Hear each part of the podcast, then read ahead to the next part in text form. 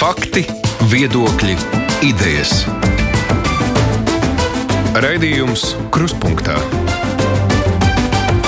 ar izpratni par būtisko. Labdien, jums saka, es Aits Tamsons. Mums ir klāta atkal ikdienas programma Kruspunktā nākamā stunda mūsu tādā kopējā rīcībā. Nu, brīvais mikrofons stundas beigās, bet vispirms uz nedēļas notikumiem atskatīsies kolēģi žurnālisti. Raidījumam katrs no sava tāda ērtā stūrīša mums šeit ir pieslēgušies. Anita Brauna, gan tepat pārstāv Latvijas radio pētniecisko ziņu nodaļu. Sveika, Anita! Sveicināti! Tāpat tās Sanita Uplēja no portāla Delfis. Sveiks, Anita! Sveicināti! Un Kārlis Streips, TV24. Prieks redzēt arī tevi, Kārli. Sveicināts! Droši vien, ka sākšu šoreiz ne ar Latvijas aktualitātēm, bet ar to, kas tur ir noticis šonadēļ Libānā, Beirutā, kurus atrasināja tāds milzīgs sprādziens. Sprādzieni laikam pat jāsaka. Vispār tāda briesmīga skatu vai ne, Kārli? Jā, jā, es lasīju, vien, viena Libānas televīzijas stacija teica, ka iespējams tur pie vainas ir, ka tur ir notikusi metināšana, kas, protams, atgādina Rīgas pilsugunskrēku tādā nozīmē. Bet lielākoties tā bija valdības nolaidība, jo tas, tā, tā viela tur tika pamesta no viena Krievijas kuģa, kuru atzina par kuģošanai nederīgu. Visus šos gadus muitnieki ir mēģinājuši izmisīgi valdību pārliecināt, ka tas ir bīstami. Tajā skaitā decembrī bija ziņojums, kurā bija rakstīts, ja kaut kas netiks darīts, uzspridzinās visu Beirūtu. Un netika nekas darīts, un līdz ar to notika tas, kas notika. Jā, tā situācija vispār pat par sevi jau kā tāda. Ko jūs domājat par to visu, Anita?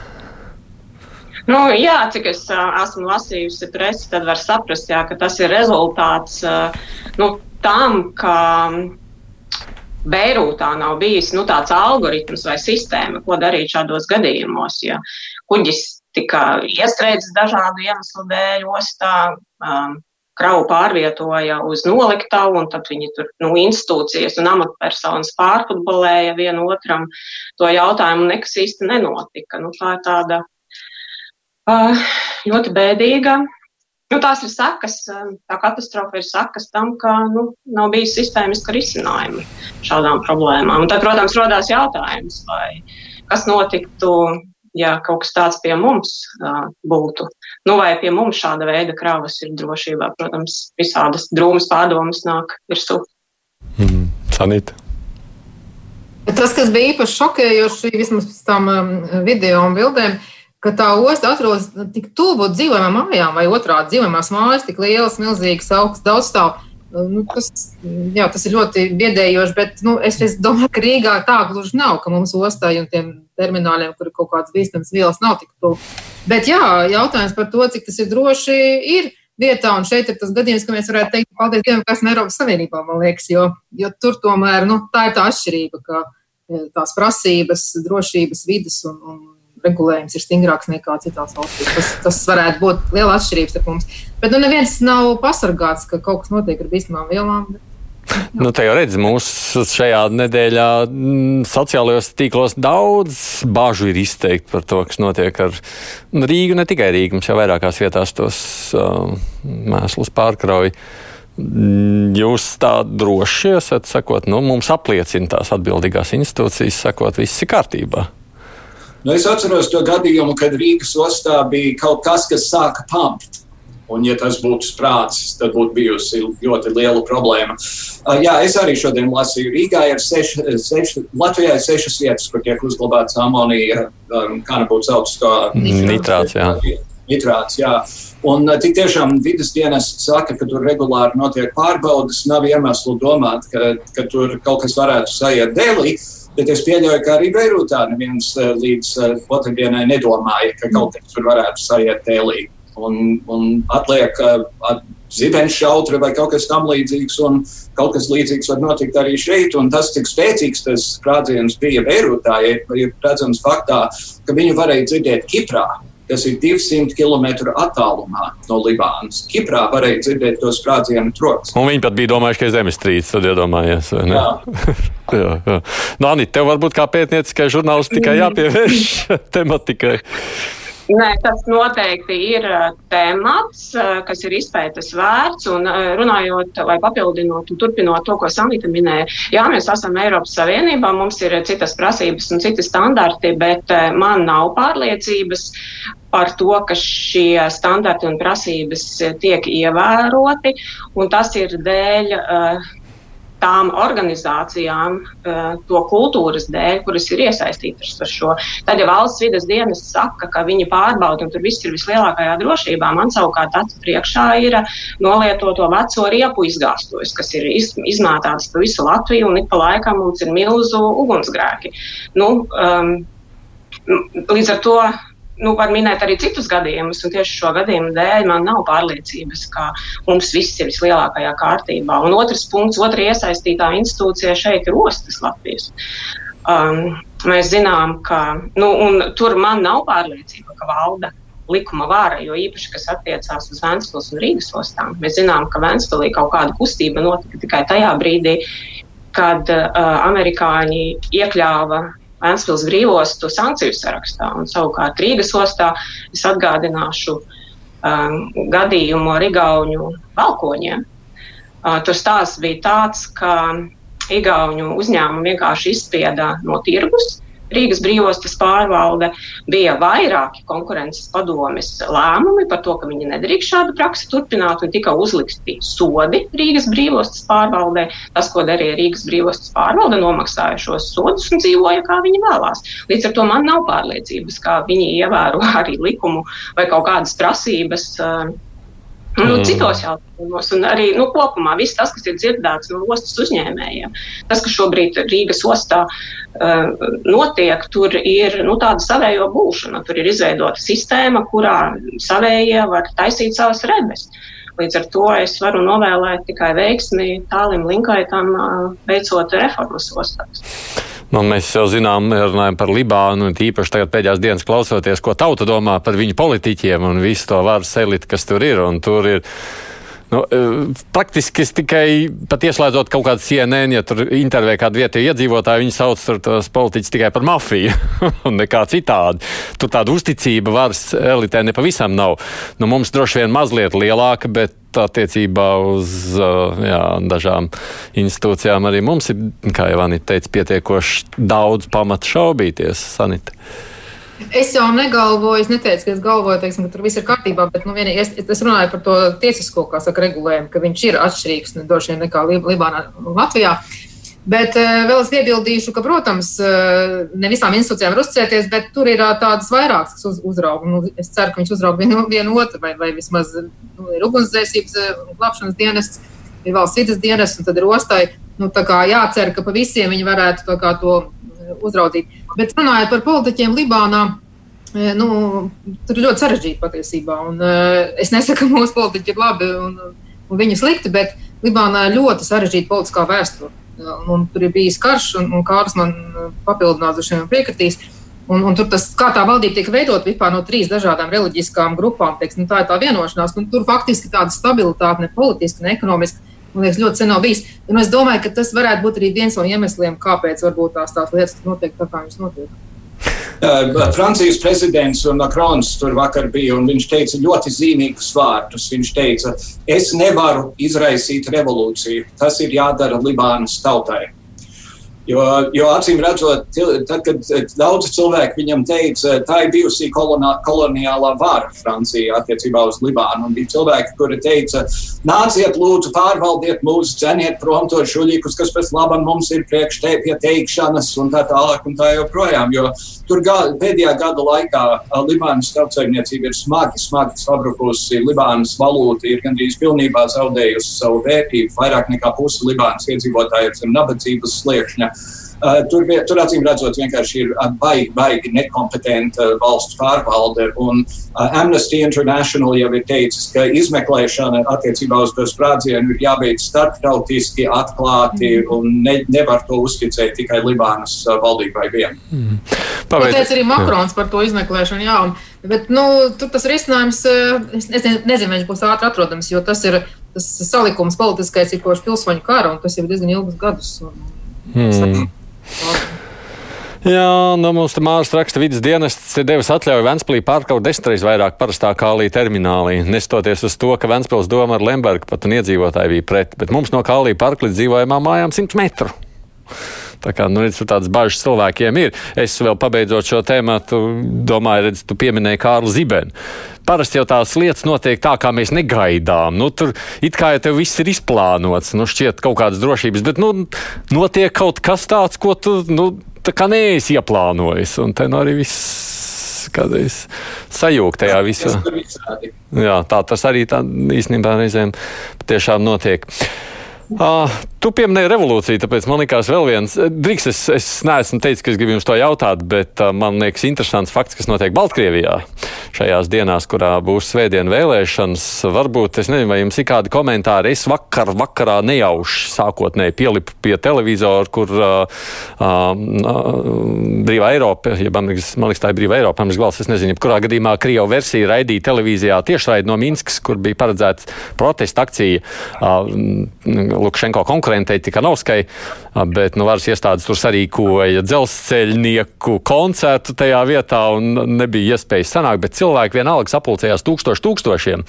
Beig beigās klīd pa visām ielām, mašīnas taurēja, un tur ir tāda sajūta vakar vakarā. Es kādas trīs stundas pielipu pie televizora skatoties, kas notiek Minskā, un domāju, vai tur nesāksies kaut kas.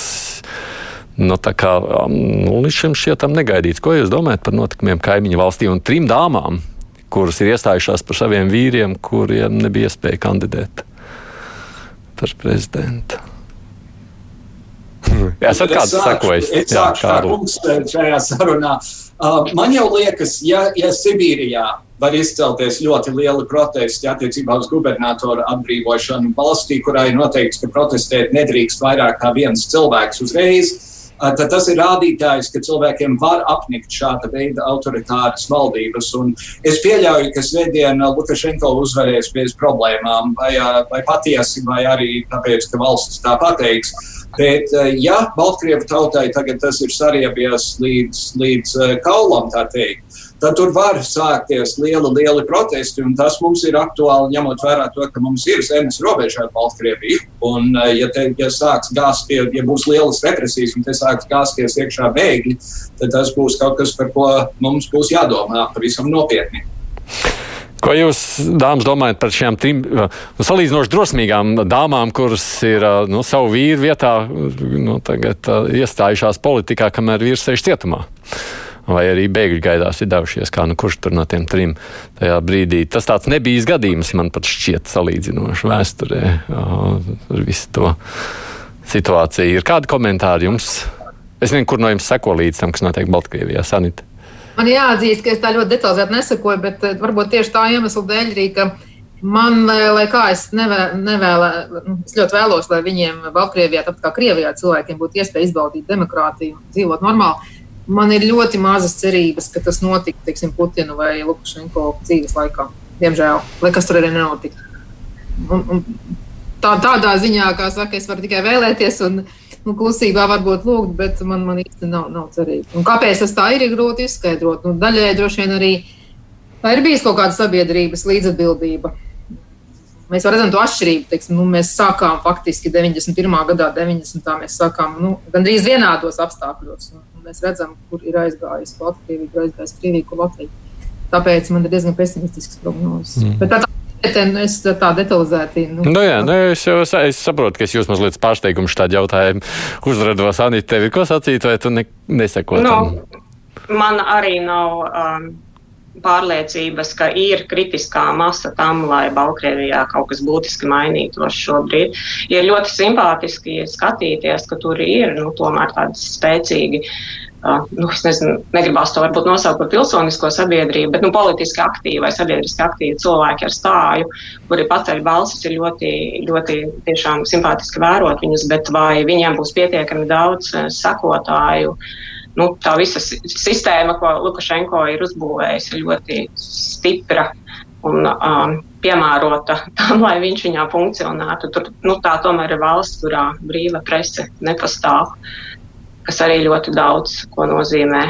Nu, mm. jā, es domāju, ka tam, tai vārīšanās būtu jābūt daudz ilgākai un iemesliem, kāpēc viņi notiek, vairākiem, lai tur kaut kas būtiski mainītos. Ne tikai tas, ka neļauj režīms um, citiem kandi no opozīcijas kandidātiem piedalīties vēlēšanās. Ne, vakar jau tā buķete bija kā jau parasti tas mēdz lielākoties arī notikt. Tur uzreiz tika pazuda internets un nevarēja tiešraidi nodrošināt, jo vispār bilde nebija. Tad mēģināja telefoniski, arī telefoni kādā brīdī sāka pazust sakari. Nu, kā jau tādā reizē valsts citīgi rūpējās, lai nekāda informācijas noplūda nenotiktu. Un tajā visā stāstā tajā pašā laikā arī paši Baltkrievi, cik nu tika aptaujāts, sacīja, nu, ka viņiem ir pārsteigums tas, kas notiek pēdējās mēneša laikā. Un, Un, nu, tas ir tāds negaidīts notikums viņiem, gan no politikas vērotājiem, gan arī visiem citiem. Jā, divas no tām trim, trim sievietēm ir sievas, raksta Kristis, un tā viena ir ba Bariko štāba pārstāve. Tas tāds precizējums no manas sacītā. Nu, labi, atgriežamies atpakaļ tepat pie Latvijas, runājot par Latvijas notikumiem. Šīs nedēļas viena no tādām interesantām ziņām bija par uh, bijušo ģenerālprokuroru, ka viņam izrādās uh, nu, viņš varētu nonākt uz apsūdzēto soli. Jums ir skaidrs, ko viņš ir izpaudis tādu, ko viņš nedrīkstēja izpaust. Nē. Nav, Kārlim nav skaidrs. Tieši, tieši tāpat kā man nebija nekādas īpašas izpratnes par to, ko īsti izprā, izpauda saimnes deputāts Jurašs. Jurašs Te var uzreiz līdzības, kur, līdzības vilkās. Viņš izpauda, izpauda ziņu, ka viņam ir piedāvāts kukulis un ka knābis nekādi uz to nereaģēja. Un likumā ir skaidri teikts, ka valsts noslēpums neatiecas uz kriminālu darījumu. Un, ja kukuļi to piedāvājums nav krimināls darījums, tad es nesaprotu, par ko ir runa. Bet attiecībā uz, uz Kalnieru ko es esmu lasījis, es nekur neesmu redzējis īsti precīzu skaidrojumu par to, ko ģenerāla prokuratūra vai, vai attiecīgās iestādes šeit mēģina viņam piesūtīt. Nu, viņš kaut ko ir izpaudis tai prokurorei, kas ir Jālgavas pusē. Tā es sapratu, tik cik ir publiski skanējis, bet ko tieši viņš tur viņai pateicis, ko nedrīkstēja teikt. To es. Jā, vai vispār ir kaut kas, ko ģenerāla prokurors nedrīkst teikt saviem prokuroriem, saviem padotajiem prokuroriem? No neoficiālās informācijas var saprast, ka laikam viņš ir izpaudis kaut ko par kaut kādu lietu, kas ir procesā, un no tā prokurorai vīrs ir uh, advokāts, un viņš ir kaut kā iesaistīts. Nu, tādā ziņā. Bet es piekrītu, ka tās informācijas tā ir tikai neoficiāli, kad ir maz, un, un būtu ļoti svarīgi, nu, viņš pats, protams, nerunā šobrīd, un es arī saprotu, kāpēc viņš nerunā, viņš ievēro likumu, ka viņš nevar runāt, bet ļoti svarīgi sekot līdzi, kā prokuratūra Stukāna jaunā ģenerāla prokurora vadībā tiks ar šo galā. Jo, principā, šī ziņa par Kalmēju ir, ir divas ziņas, ir labā un sliktā. Sliktā ir, ka ģenerāla prokurors bijušais, saka, ir iekūlies šādās nepatikšanās, bet labā ziņa ir, ka kāds ķers klāt un ka tā lieta tiek risināta. Un līdz ar to tagad, eh, nu, tas būs tāds zināms stukāna lakmusa papīrs viņa darbības, eh, lai parādītu, nu, kā viņi ar to tiek galā. Un, un kas, ir, kas ir svarīgi, es atceros, ka Stukāns bija saimā pirms, kad viņi apstiprināja ļoti lielu uzticības kredītu, un visas frakcijas bija par viņu sajūsmām.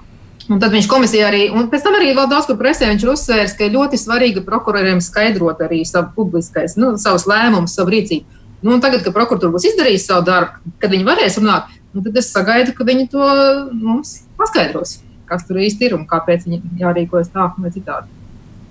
Hmm. Anita. Nu, man šis gadījums liekas tāds simbols Kalmējera laika prokuratūrai.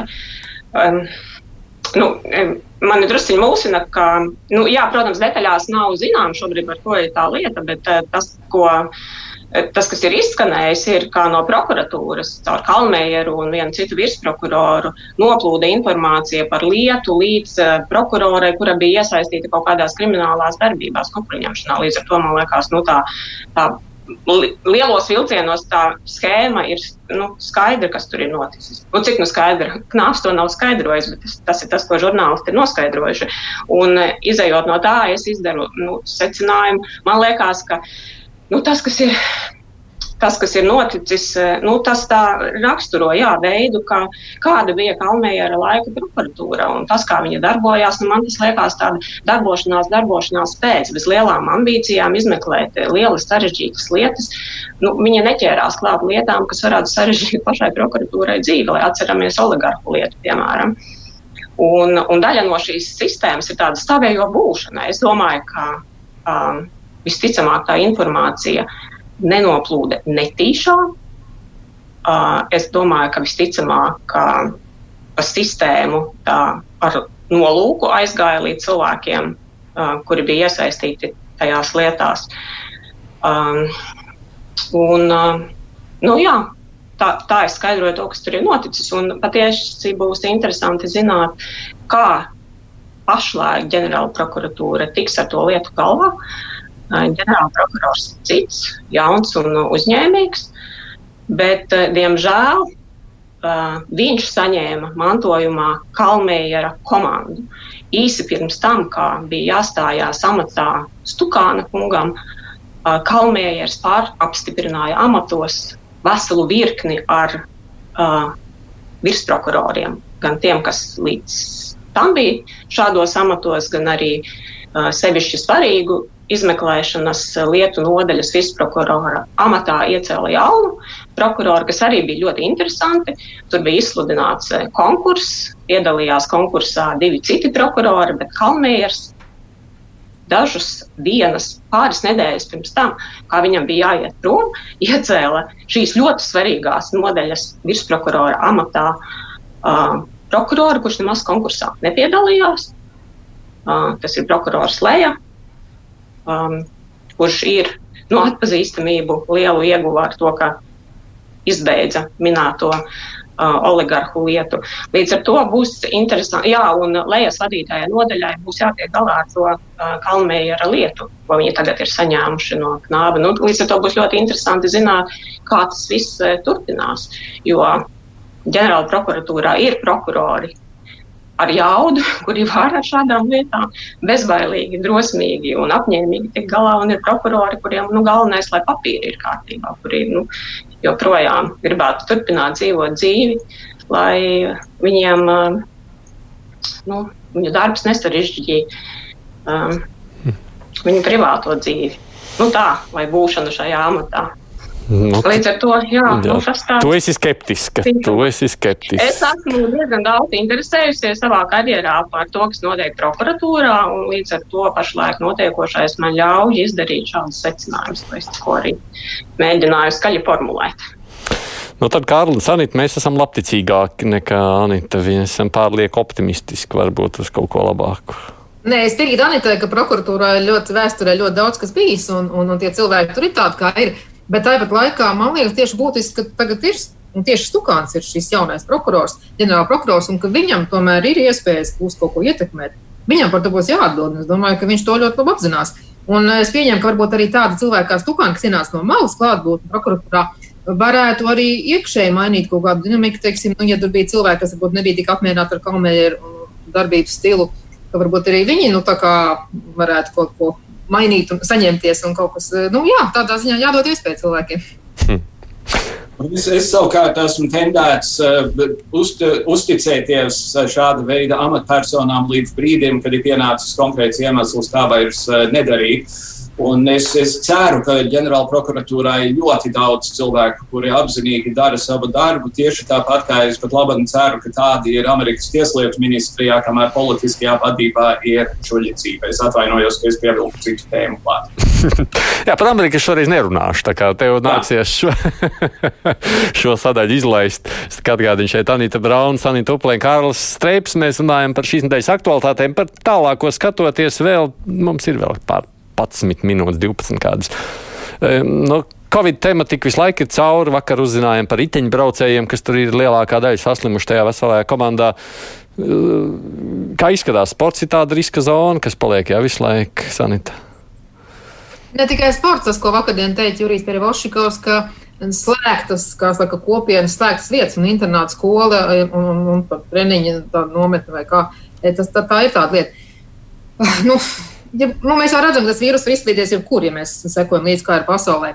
Tas, kas mani mazliet varbūt biedē, un es tā sāku skatīties, ka ņemot vērā, ka mums būs jādzīvo ilgi ar to vīrusu, un to ir teikuši gan pasaulē, gan pie mums eksperti, mums jāiemācās sadzīvot, un mums būs jādzīvo ar pēc šī vīrusa. Un e, tas, ko es gribu pateikt, ir, ka nu, ka cilvēkos nerodās pārāk daudz saka, tādu stigmu un baiļu. Jo tagad es arī lasīju par tiem bērniem, nabaga. Es iedomājos, ja tas būtu mans bērns, vai es būtu tas bērns, ka tagad viņi ir katrs savā istabā, viņi, viņiem sazinās tikai pa telefonu.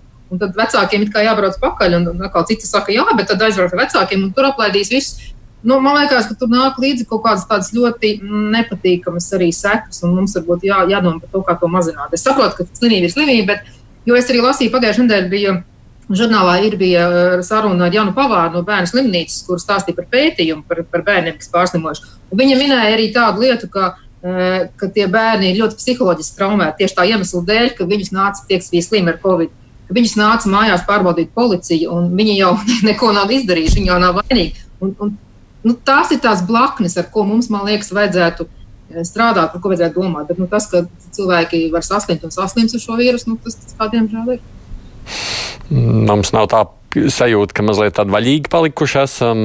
Jo skatoties jau, kas notiek citur pasaulē, nu, tiešām neiet jau lāga ar šo vīrusu. Mēs te tā pagaidām vēl joprojām labi dzīvojam. Man liekas, mēs to varam teikt visu šo daudzo mēnešu garumā, ka mēs salīdzinoši labi dzīvojam. Ko tu, Kārl, domā par to? Manuprāt, tas, kas notika Mūrjāņos, tam ir jābūt kā brīdinājumam attiecībā uz to, ka tas vīrus nekur nav pazudis. Un, teiksim, Tērbatas ielas atklāšanas koncertā, kur nebija nekādu masku un bija liela drūzmēšanās, ir pagājušas trīs nedēļas. Nekas neliecina, ka tur būtu bijis kaut kāds baigais perēklis. Bet uh, šonadēļ ir Aglonas novadas svētki, nākamā nedēļa būs Aglonas dievmātes svētki, nākamā nedēļa būs Rīgas svētki. Tie visi būs pasākumi, kur, kuros pilcēsies liels pāris cilvēku. Aglonā dievmātes svētkos, cik es saprotu, tikai uz ielūkumiem, uz galvenajiem pasākumiem. Tur centīsies kaut kā to noturēt. Bet, ja pat labi noteikums ir, ka ārpus telpām vienopus var atrasties 3000 cilvēku, tie nosacījumi, ka ir sociālā distancēšanās. Ja 3000 cilvēku saliek rindā ar divu metru atstarpi, tā rinda ir 6 km gara. Vienā laukumā īpaši to neizdarīt. Un kas te ir, man, manuprāt, tie ir koks ar diviem galiem. No vienas puses mums ir 1200 cik tur infekcijas un ir nomiruši tikai 32 cilvēki, kas ir ļoti mazs procents. No otras puses, tādos baros vajag tikai vienu. Un, ja tas izrādās, ka tā, tas, ko angļu valodā sauc par superspreader vai superinficētājs, viņš var aplaist lielu baru uzreiz, tad jāaplaiž arī citus.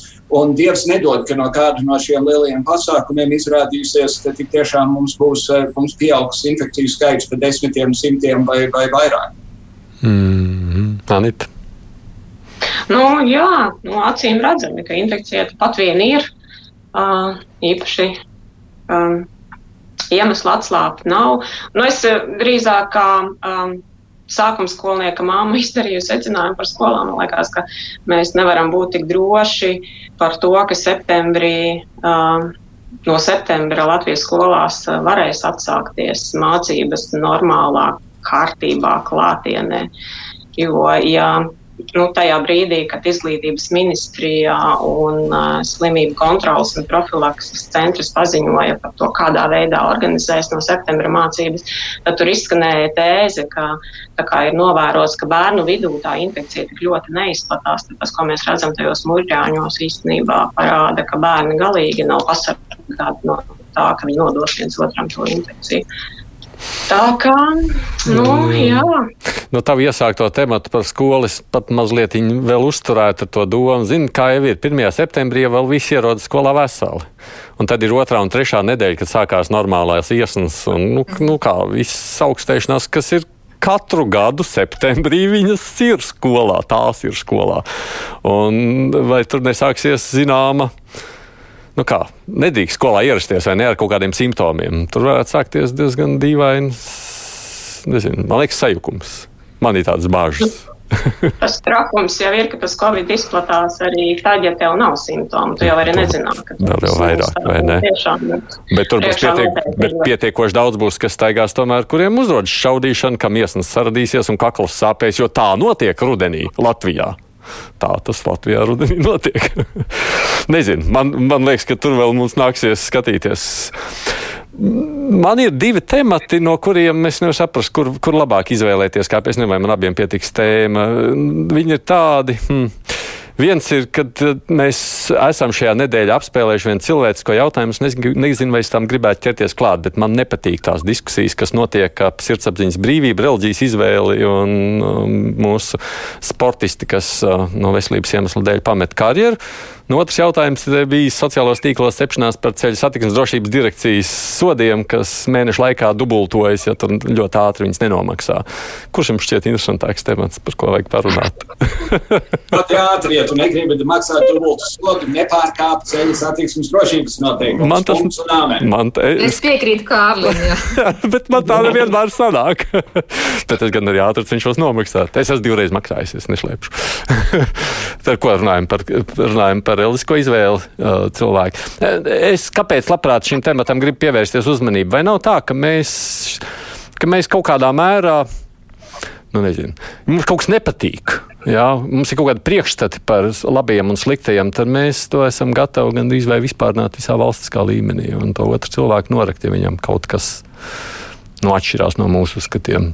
Nav tā? Tu par Rebeku, Kochu, protams, jā, bet nu, kā tādu, nu, es nezinu, kā tādu paraugi, jeb, jeb rādītāji, jeb tāda līdzība. Man, man tur ir viens, viena, viena, viena, viena lieta sakāma. Es Rebeku Kohu personīgi nepazīstu. Es pieļauju, ka klātesošie viņu personīgi nepazīst, un mums nav absolūti nekādu tiesību bāzi degunu viņas privātajā mm. dzīvē. Mēs varam būt pateicīgi par to, ka viņa ar savu veiksmu atcelšanai Latvijas, eh, Latvijas vārdu cēlus saulītē. Bet ārpus tā, es ceru, ka viņai un viņas diskametējiem būs ilgas un laimīgas laulības un, un priecīga dzīve, un ar to arī viss man ir sakāms. Es piekrītu Kārlim, ka jā, es arī respektēju cilvēku privāto dzīvi un izvēli. Vienīgais jautājums, kas radās, un to arī atrisināja Olimpiskā komiteja šonadēļ, bija teiksim, nu, tas jautājums, ja viņi ir Olimpiskā vienībā un viņai tiek maksāts finansējums, dots no Latvijas valsts, teiksim, ja viņi turpina. Bet viņi arī ātri atbildēja, ka viņa tātad pārtrauc šo karjeru, un, un tas, tas, tas būtu vienīgais, par ko mums kā sabiedrībai būtu tiesības varbūt tās uztraukties un jautāt. Bet man jāteic arī, ka, gudīgi sakot, Tas atkarīgs no vidas, kurā cilvēks e, dzīvojās sociālajos tīklos. Es, piemēram, pamanīju par nu, pašu par sevi ziņu, ka viņi ir paziņojuši par to pāriešanu citā ticībā. Un tad es vienkārši mēdījos redzēju ziņas, kad bija rakstīts, ka ir izraisījis ažiotāžu, bet es e, nekur nedzīvoju tādās vietās, kur kāds apspriest. Un, un savā ziņā tā ir tāda personīgā higiēna. Nu, kāpēc lai es lasītu, ka cilvēki tiešām izgāz, jebko, kas viņiem ir iekšā, izgāž nu, pār pilnīgi cilvēku, kas ar to varbūt nav saistīts. Kā... Māma, kur strādā Delfos. bet par šo lietu pareizi rakstīja Māris Zanders eh, portālā Satorī. Ja Rebeka Koha būtu paziņojusi, ka viņa ir saskārusies ar citplanētiešiem vai atradusi nemirstības eliksīru, vārīšanās būtu bijusi ļoti daudz zemākā līmenī. Tad tie ir vienkārši aizspriedumi pret islāmu manuprāt, kas ir. Un arī pret reliģiju mūsu sabiedrībā, diemžēl, man jāsaka, bet tā kā es nāku no ģimenes, kur ir viens dzimis kristīts, iesaitīts katolis, otrs luterāns, es atļaušos teikt, ka es esmu iecietīga. Un, jā, tā ir cilvēka privātā darīšana. Anita. Es esmu aplikānis, es arī esmu. Anita, es nezinu, tev, man tā ticība neinteresē, bet saki, ko tu domā par šo te? nu, man līdzīgi kā Sanitai jāsaka, ka manā info burbulī īsti arī tās vārīšanās nav. Es tikai lasu par to, ka cilvēki sašūt, ka ir tāda vārīšana. Sašus, ir sašutuši, ka tāda vārīšanās notiek. Līdz ar to nu, es izdaru vienkārši secinājumu, kas jau uh, nu, lai vēlreiz apstiprina to, ka Latvijas sabiedrība ir diezgan ksenofobiska. Mēs, mēs, varam, jā, mēs varam tajā lietā, jo redz, kā, mēs, protams, dzīvojam katrs savā burbulī, kā tāda moderna saka, un es viņu apzināti uzturu ļoti dažādi. Man tas šķiet ļoti būtiski, bet mēs varam kaut kā šo ksenofobiju, nezinu, mazināt. Pirmās klases mācīt, ka ir dažādi cilvēki ar dažādu ticību, dažādu ādas krāsu, dažādu seksuālo orientāciju, un viņi visi ir pirmkārt cilvēki, un viņi visi ir uzvērtējami kā labi cilvēki, iekams viņi nav parādījuši pretējo. Jaunajai paudzei, man liekas, šī problēma ir arvien mazāk un mazāk, jo jaunā paudze ir bijusi citur pasaulē, viņi ir redzējusi kosmopolītiskas sabiedrības Tas, ka mēs pat labi redzam, ka Rīgā attīstībai pār un progresīvie pirmajā vietā aptaujās, tas man liekas kaut ko labu liecina par sabiedrības attīstību tālāk pozitīvā, pozitīvā virzienā. Gados vecus cilvēkus nepārmācīs, ja viņi ir rasisti vai kaut kādā citā veidā aizspriedumaini. Mums ir jāliek visas iespējamās cerības jaunajā paudzē. Hmm. Arī vidējās paudzes cilvēki, kā es, ir pietiekami neaizspriedumi. Bet es piekrītu, ka tas ir izglītības jautājums. Tas ir izglītības un tikai izglītības jautājums. Jā. Un tās ir mūža izglītības jautājums patiesībā. Jo pasaule arī mainās, lietas mainās, un, un cilvēkam ir jāsako līdzi. Viņam ir jāspēj formulēt savus viedokļus. Nu, līdzīgi kā par Amerikas notikumiem, teiksim, par tām melnādēno nu, problēmām. Mm. Nu, labi, redzēsim, ko saka mūsu klausītāji šajā kontekstā. Gan es paredzu nākošos zvans brīvajā mikrofonā, bet jums saku paldies, ka dalījāties ar savām domām par šiem šīs nedēļas notikumiem, kurus mēs šeit pieminējām. Trīs mani kolēģi, Kārlis Streips, TV24. Paldies! Iesaistījies Sanita Uplē no portāla Delfa un Anita Brauna, tepat Latvijas raģio. Paldies jums! Brīvais mikrofons.